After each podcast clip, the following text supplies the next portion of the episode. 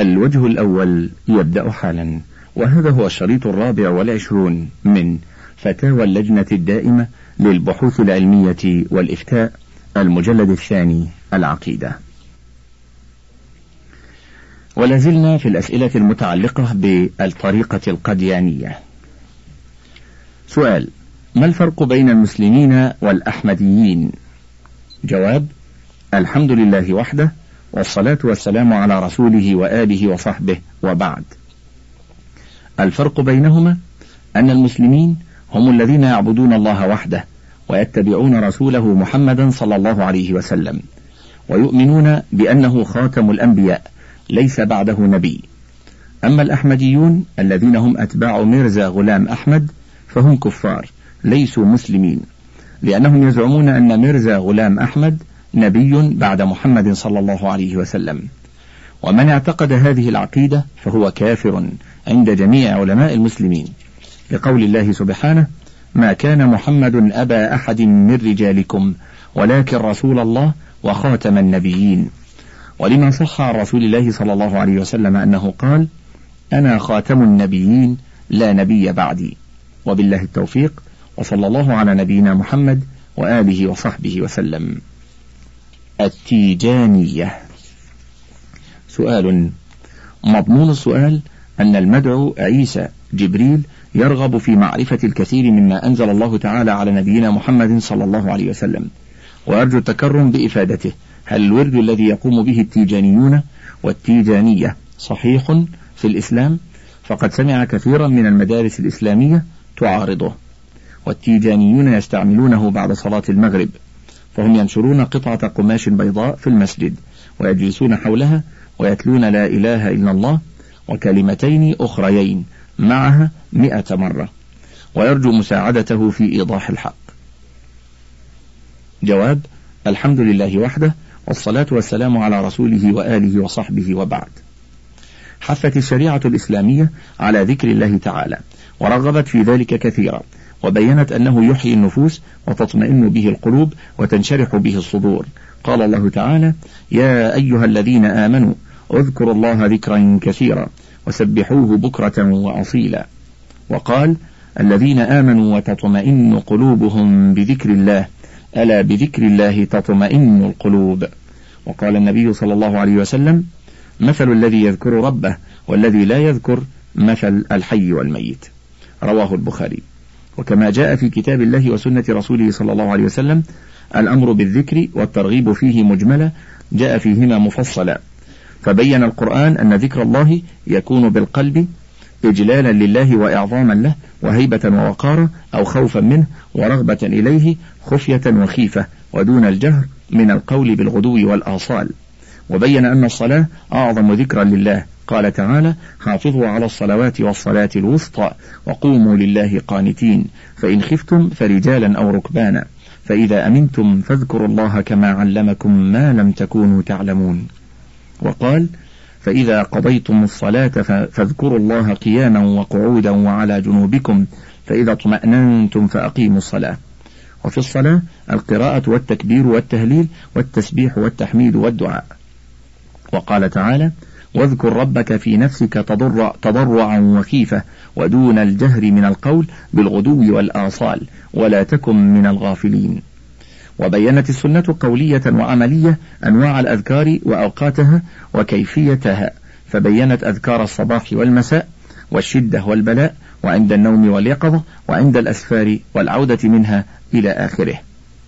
وعينت كلماتها وكيفياتها. ففي حديث السبعة الذين يظلهم الله في ظله يوم لا ظل إلا ظله رجل ذكر الله خاليا ففاضت عيناه. فمن ذكر الله تعالى كما جاء في بيان الكتاب والسنة من أنواع الذكر وأوقاتها وكيفياتها فقد اتبع هدى الله تعالى وهدي رسوله عليه الصلاة والسلام وكسب الأجر والمثوبة ومن غير صيغ الأذكار وحرف فيها أو بدل في كيفياتها والتزم فيها كيفيات لم يلتزمها رسول الله صلى الله عليه وسلم فأطلق ما قيده أو قيد ما أطلقه والتزم طريقة في أداء الأذكار. لم تعهد زمن رسول الله صلى الله عليه وسلم ولا في زمن أصحابه ولا القرون الثلاثة المشهود لها بالخير. فقد أساء وابتدع في الدين ما لم يأذن به الله وحرم الأجر والثواب. وكان من الذين ضل سعيهم في الحياة الدنيا وهم يحسبون أنهم يحسنون صنعا. ومن ذلك ما التزمه بعض أصحاب الطرق كالتيجانية من نشر قطعة قماش بيضاء يلتف حولها الذاكرون بلا إله إلا الله ونحوها من الأذكار بعد المغرب. فالذكر مشروع وكلمة لا إله إلا الله أفضل ما قاله النبيون والذكر بها من أفضل الأذكار. ولكن التزام نشر الرقعة البيضاء والاجتماع حولها وتخصيص ما بعد المغرب لذلك الذكر وإيقاعه جماعيا بدعة ابتدعوها. لم يأذن بها الله ولا رسوله وخير العمل ما كان اتباعا وشره ما كان ابتداعا. لقول النبي صلى الله عليه وسلم عليكم بسنتي وسنة الخلفاء الراشدين من بعدي وإياكم ومحدثات الأمور فإن كل محدثة بدعة. وقوله من أحدث في أمرنا هذا ما ليس منه فهو رد. ومن ذلك الاجتماع قبل الفجر أو بعده أو بعد العشاء للتعبد بأوراد وضعوها من عند أنفسهم أو لأذكار بهيئات مزرية وترنحات هي إلى الألعاب والتمثيل أقرب وبه أشبه ومن ذلك ذكرهم بكلمة هو وكلمة آه وليستا من أسماء الله بل الأولى ضمير الغائب والثانية كلمة توجع فالذكر بهما من البدع المنكرة. وبالله التوفيق وصلى الله على نبينا محمد وآله وصحبه وسلم. سؤال هل يجوز قراءة ورد التيجانية والتعبد به أو لا؟ جواب الحمد لله وحده والصلاة والسلام على رسوله وآله وصحبه وبعد. الطريقة التيجانية طريقة منكرة لا تتفق مع هدي رسول الله صلى الله عليه وسلم وسنته بل فيها بدع شركية تخرج من يعتقدها أو يعمل بها من ملة الإسلام والعياذ بالله وأورادها فيها بدع. فلا يجوز التعبد بها لأن الأذكار من العبادات والعبادات توقيفية يرجع فيها إلى كتاب الله وإلى ما ثبت عن رسول الله صلى الله عليه وسلم لتلاوة القرآن الكريم. وما حث عليه رسول الله صلى الله عليه وسلم من الذكر والدعاء في دواوين السنة والكتب التي استخلصت منها مثل رياض الصالحين للنووي والكلم الطيب لابن تيمية والوابل الصيب لابن القيم والأذكار للنووي وغيرها من كتب الحديث المعتمدة. وبالله التوفيق وصلى الله على نبينا محمد وآله وصحبه وسلم. سؤال ما حكم أوراد الأولياء والصالحين كمذهب القاديانية والتيجانية وغيرهما؟ أجوز التمسك بها أم لا؟ وما حكم كتاب دلائل الخيرات؟ أولا الحمد لله وحده والصلاة والسلام على رسوله وآله وصحبه وبعد. ورد في الكتاب والسنة نصوص مشتملة على الأدعية والأذكار المشروعة وجمع بعض العلماء جملة من ذلك النووي في كتابه الأذكار وابن السني في عمل اليوم والليلة وابن القيم في كتاب الوابل الصيب وكتب السنة تشتمل على أبواب خاصة للأدعية والأذكار فعليكم الرجوع إليها. ثانيا الأولياء الصالحون هم أولياء الله المتبعون لشرعه قولا وعملا واعتقادا. وأما الطوائف الضالة كالتيجانية فليسوا من أولياء الله بل هم من أولياء الشيطان.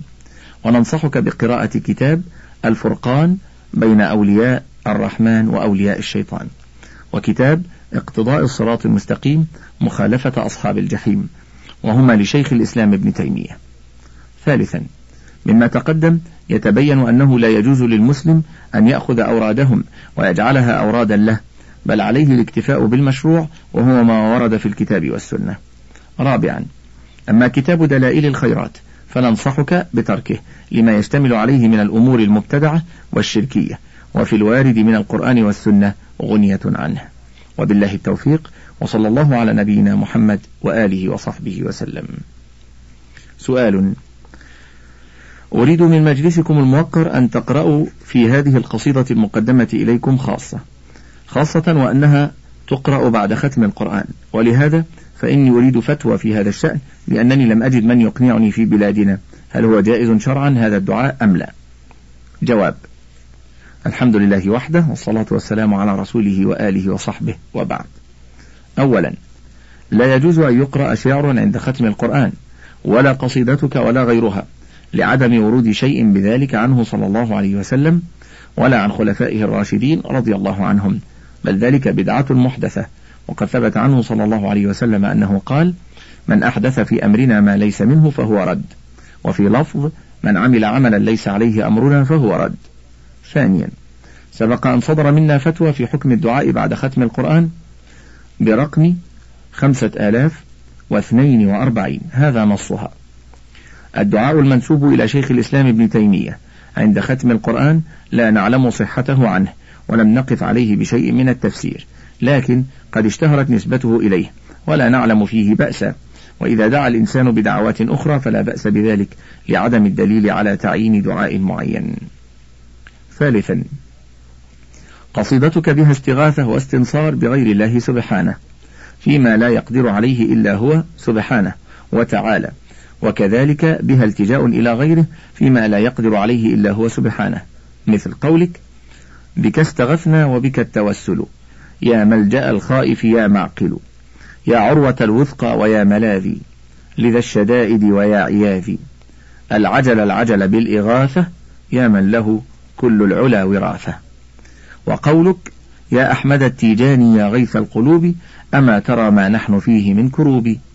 وهذه الأشياء كلها من أنواع الشرك الأكبر التي يخلد من مات عليها في النار. كما أن فيها أمورا بدعية كالتوسل بجاه النبي صلى الله عليه وسلم أو بغيره صالح أو طالح من الناس. فاستغفر الله وتب إليه سبحانه فهو القائل وإني لغفار لمن تاب وآمن وعمل صالحا ثم اهتدى. والقائل والذين لا يدعون مع الله إلها آخر إلى قوله فإنه يتوب إلى الله متابا. رابعا أحمد التيجاني وأتباعه الملتزمون لطريقته من أشد خلق الله غلوا وكفرا وضلالا وابتداعا في الدين لما لم يشرعه الله سبحانه ولا رسوله صلى الله عليه وسلم. وسبق أن كتبت اللجنة الدائمة نماذج لبدعهم وضلالهم ونرجو أن ينفعك الله بها وأن تكون سببا في هدايتك لسبيل الفرقة الناجية أهل السنة والجماعة. المبينة صفاتهم في قوله صلى الله عليه وسلم ستفترق أمتي على ثلاث وسبعين فرقة كلها في النار إلا واحدة. قيل من هي يا رسول الله؟ قال من كان على مثل على مثل ما أنا عليه اليوم وأصحابي. وبالله التوفيق وصلى الله على نبينا محمد وآله وصحبه وسلم. سؤال ما هي عقيدتكم في طريقة التيجانية ورؤية المصطفى صلى الله عليه وسلم يقظة؟ جواب الحمد لله وحده والصلاة والسلام على رسوله وآله وصحبه وبعد.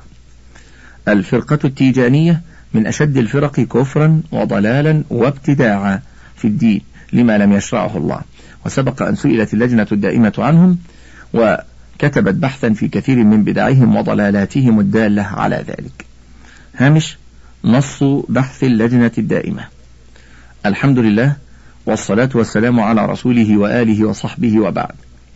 فبناء على ما اقترحه سماحة الرئيس العام لإدارات البحوث العلمية والإفتاء والدعوة والإرشاد من كتابة بحث مختصر عن الطريقة التيجانية وإدراجه في جدول أعمال الدورة العاشرة لمجلس هيئة كبار العلماء أعدت اللجنة الدائمة للبحوث العلمية والإفتاء بحثا في ذلك ضمنته ما يلي. واحد كلمة عن أحمد التيجاني منشئ هذه الطريقة وعن مصدرها. اثنان نبذ من عقيدته وعقيدة أتباعه. ثلاثة حكم الشريعة في من يعتقد هذه العقيدة. الموضوع الأول كلمة عن أحمد بن محمد التيجاني وعن مصدر الطريقة التيجانية. هو أبو العباس أحمد بن محمد ابن المختار بن أحمد ابن محمد التيجاني. ولد عام خمسين ومئة وألف من الهجرة بقرية عين ماضي التي وفد إليها جده محمد. فاستوطن بها وتزوج من قبيلة تدعى تجاني أو تجانى فكانت أخوالا لأولاده وإليها نسبوا. نشأ أبو العباس بهذه القرية وحفظ بها القرآن ورحل في طلب العلم إلى بلاد عدة. وتأثر في أسفاره بمن التقى به من مشايخ الطرق الصوفية. وأخذ الطريق عن عدة منهم ثم انتهت به رحلاته إلى أبي صيفون وهناك زعم أنه قد جاءه الفتح وأنه لقي النبي صلى الله عليه وسلم يقظة لا مناما وأنه أذن له في تربية الخلق على العموم والإطلاق وأخذ عنه الطريقة الصوفية مشابهة وأمره أن يترك كل طريق أخذه عن مشايخ الطرق الصوفية اكتفاء بما أخذ عنه صلى الله عليه وسلم مشافهة. وعين له النبي صلى الله عليه وسلم الورد الذي يلقنه مريديه كما يزعم وهو الاستغفار والصلاة على النبي صلى الله عليه وسلم. وذلك سنة ست وتسعين ومائة وألف من الهجرة. وكمل له الورد بسورة الإخلاص على رأس المئة. ولذا سميت الطريقة الأحمدية والمحمدية. كما سميت التيجانية نسبة إلى القبيلة التي صاهرها جده محمد فنسبوا إليها. وزعم أحمد التيجاني بعد شهرته أنه شريف ينتهي نسبه إلى الحسن بن علي بن أبي طالب. ولم يشأ أن يعول في إثبات ذلك على وثائق مكتوبة ولا على أخبار الأعيان والآحاد. بل زعم أنه رأى النبي صلى الله عليه وسلم يقظة وسأله عن نسبه فأجابه بقوله أنت ولدي حقا. وكررها ثلاث مرات. ثم قال نسبك إلى الحسن صحيح. انتهى ملخصا من الباب الأول من جواهر المعاني لعلي حرازم ومن الفصل الثامن والعشرين من كتاب الرماح لعمر بن سعيد الفوتي. هذا وإنه لم يثبت عن الخلفاء الراشدين ولا سائر الصحابة رضي الله عنهم أن أحدا منهم وهم خير الخلق بعد الأنبياء ادعى أنه رأى النبي صلى الله عليه وسلم يقظة. ومن المعلوم من الدين بالضرورة أن التشريع قد أكمل في حياته صلى الله عليه وسلم وأن الله قد أكمل للأمة دينها وأتم عليها نعمته قبل أن يتوفى رسول الله صلى الله عليه وسلم إليه. وقال تعالى اليوم أكملت لكم دينكم وأتممت عليكم نعمتي ورضيت لكم الإسلام دينا. فلا شك أن ما زعمه أحمد التيجاني لنفسه من رؤية النبي صلى الله عليه وسلم يقظة وأنه أخذ عنه الطريقة التيجانية يقظة مشافهة وأنه عين له الأوراد التي يذكر الله بها ويصلي على رسوله بها لا شك أن هذا من البهتان والضلال المبين. الموضوع الثاني نبذ من عقيدته وعقيدة أتباعه. نظرا إلى أن الدواعي التي دعت إلى إعداد بحث عن الطريقة التيجانية ليعرض على هيئة كبار العلماء في الدورة العاشرة لا تعني مناقشة رؤساء هذه الطريقة ولا الرد عليهم وبيان الصواب لهم إنما تعني ذكر نقول من كتبهم تتجلى فيها عقائدهم ويمكن بعد الاطلاع عليها. الحكم من خلالها عليهم بما تقتضيه هذه النقول. لهذا اقتصرت اللجنة الدائمة للبحوث العلمية والإفتاء على مجموعة من النقول من بعض كتبهم دون استقصاء تتبين منها عقائدهم ويسهل الحكم بمقتضاها عليهم ولم تضف إليها من عندها إلا إشارات خفيفة. وفيما يلي ذكر نقول من كتاب جواهر المعاني وبلوغ الأماني لعلي حرازم وكتاب رماح حزب الرحيم على نحور حزب الرجيم لعمر بن سعيد الفوتي. قال علي حرازم اعلم أن سيدنا رضي الله عنه سئل عن حقيقة الشيخ الواصل وما هو فأجاب أما ما هو حقيقة الشيخ الواصل فهو الذي رفعت له جميع الحجب عن كمال النظر في الحضرة الإلهية نظرا عينيا وتحقيقا يقينيا. فإن الأمر أوله محاضرة وهو مطالعة الحقائق من وراء ستر كثيف ثم مكاشفة وهو مطالعة الحقائق من وراء ستر رقيق. ثم مشاهدة وهو تجلي الحقائق بلا حجاب لكن مع خصوصية. ثم معاينة وهو مطالعة الحقائق بلا حجاب ولا خصوصية ولا بقاء للغير والغيرية عينا وأثرا وهو مقام السحق والمحق والدك وفناء الفناء. فليس في هذا إلا معاينة الحق في الحق للحق بالحق. فلم يبق إلا الله لا شيء غيره فما ثم موصول وما ثم واصل. ثم حياة وهي تمييز المراتب بمعرفة جميع خصوصياتها ومقتضياتها ولوازمها وما تستحقه من كل شيء ومن أي حضرة كل مرتبة منها.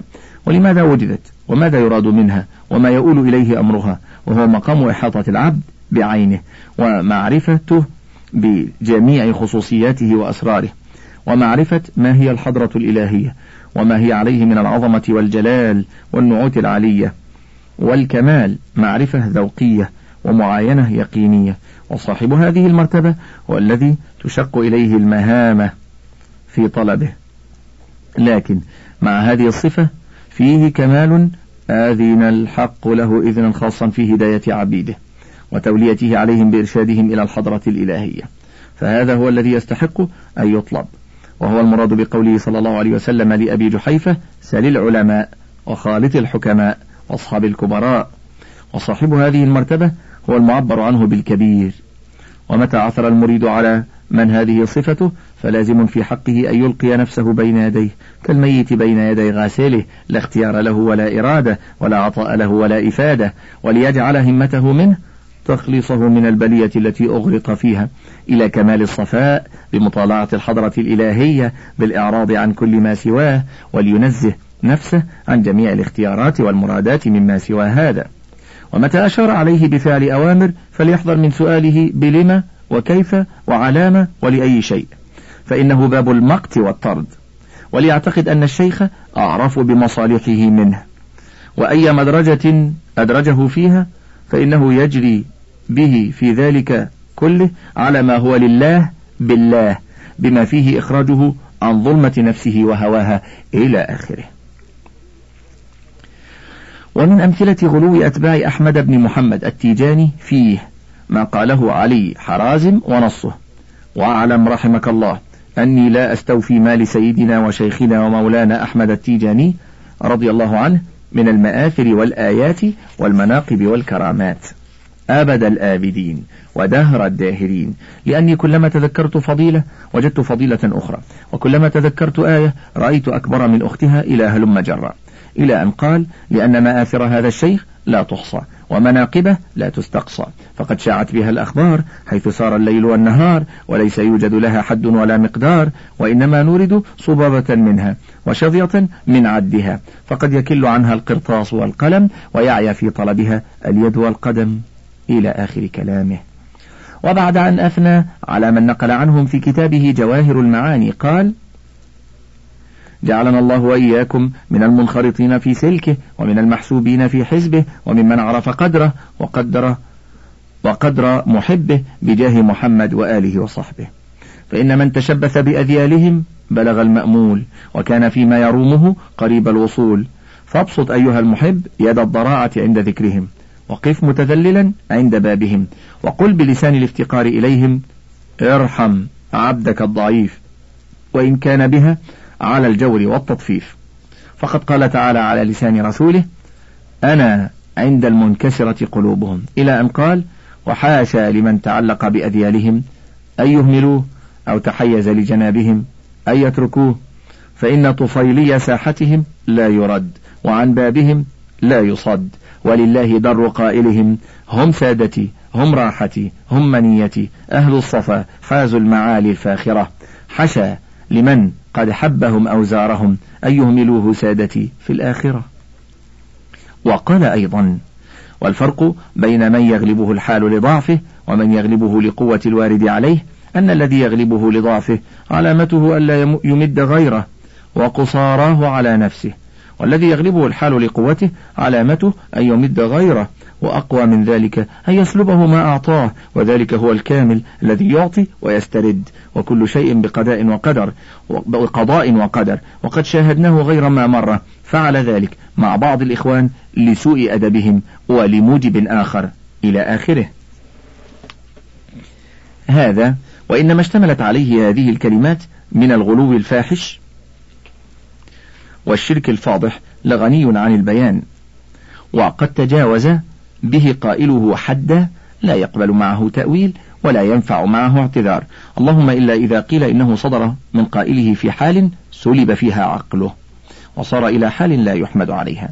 ولكن معظموه بل ولكن معظميه لا يرون ذلك ولا يقبلونه بل يرونه محمدة له وكرامة. ثم ذكر عن أحمد التيجاني أن كلامه يحول حول الفناء ووحدة الوجود. وأن شعور الولي بوجود نفسه يعتبر شركا.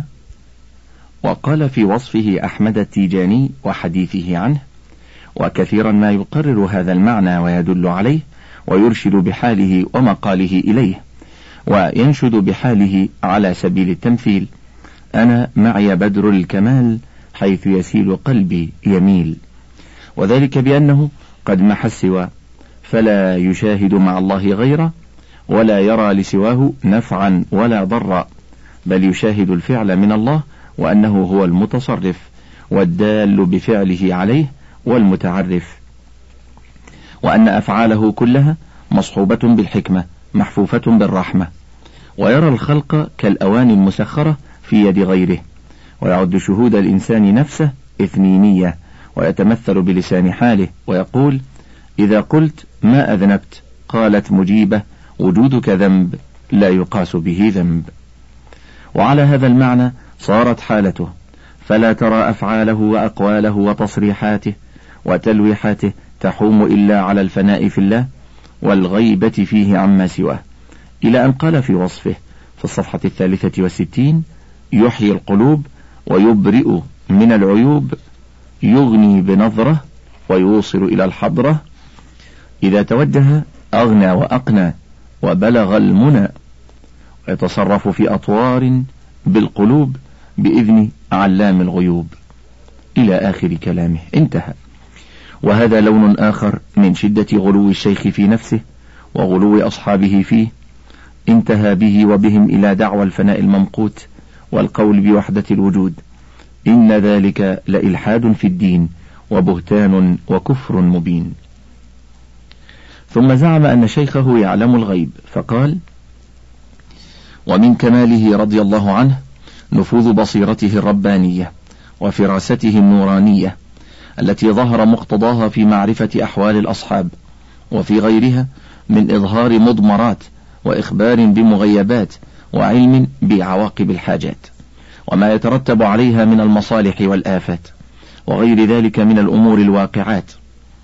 فيعرف أحوال قلوب الأصحاب وتحول حالهم وإبدال إعراضهم وانتقال أغراضهم وحالة إقبالهم وإعراضهم وسائر عللهم وأمراضهم ويعرف ما هم عليه ظاهرا وباطنا وما زاد وما نقص ويبين ذلك في بعض الأحيان وتارة يستره رفقا بهم من الاختبار والامتحان واتفقت لغير واحد معه في ذلك قضايا غير ما مره وقال في حصول شيخه على اسم الله الأعظم وفي تقدير ثوابه وأما ثواب الاسم الأعظم فقد قال سيدنا رضي الله عنه أعطيت من اسم الله العظيم الأعظم صيغا عديدة وعلمني كيفية أستخرج بها ما أصيبت تراكيبه. وأخبره صلى الله عليه وسلم بما فيه من الفضل العظيم الذي لا حد له ولا حصر. وأخبره صلى الله عليه وسلم بخواصه العظام وكيفية الدعاء به وكيفية سلوكه.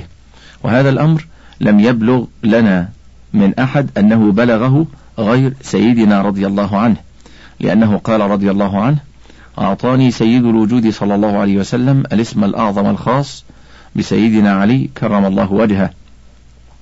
بعد أن أعطاني الاسم الأعظم الخاص بمقامه هو صلى الله عليه وسلم.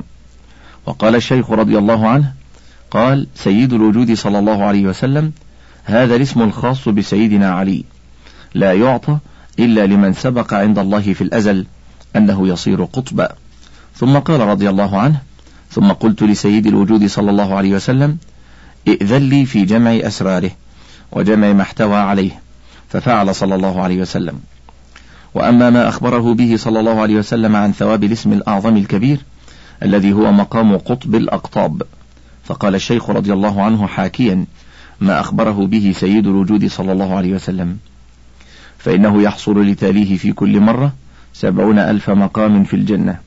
في كل مقام سبعون ألفا من كل شيء في الجنة. كائن من الحور والقصور والأنهار إلى غاية ما هو مخلوق في الجنة. ما عدا الحور وأنهار العسل.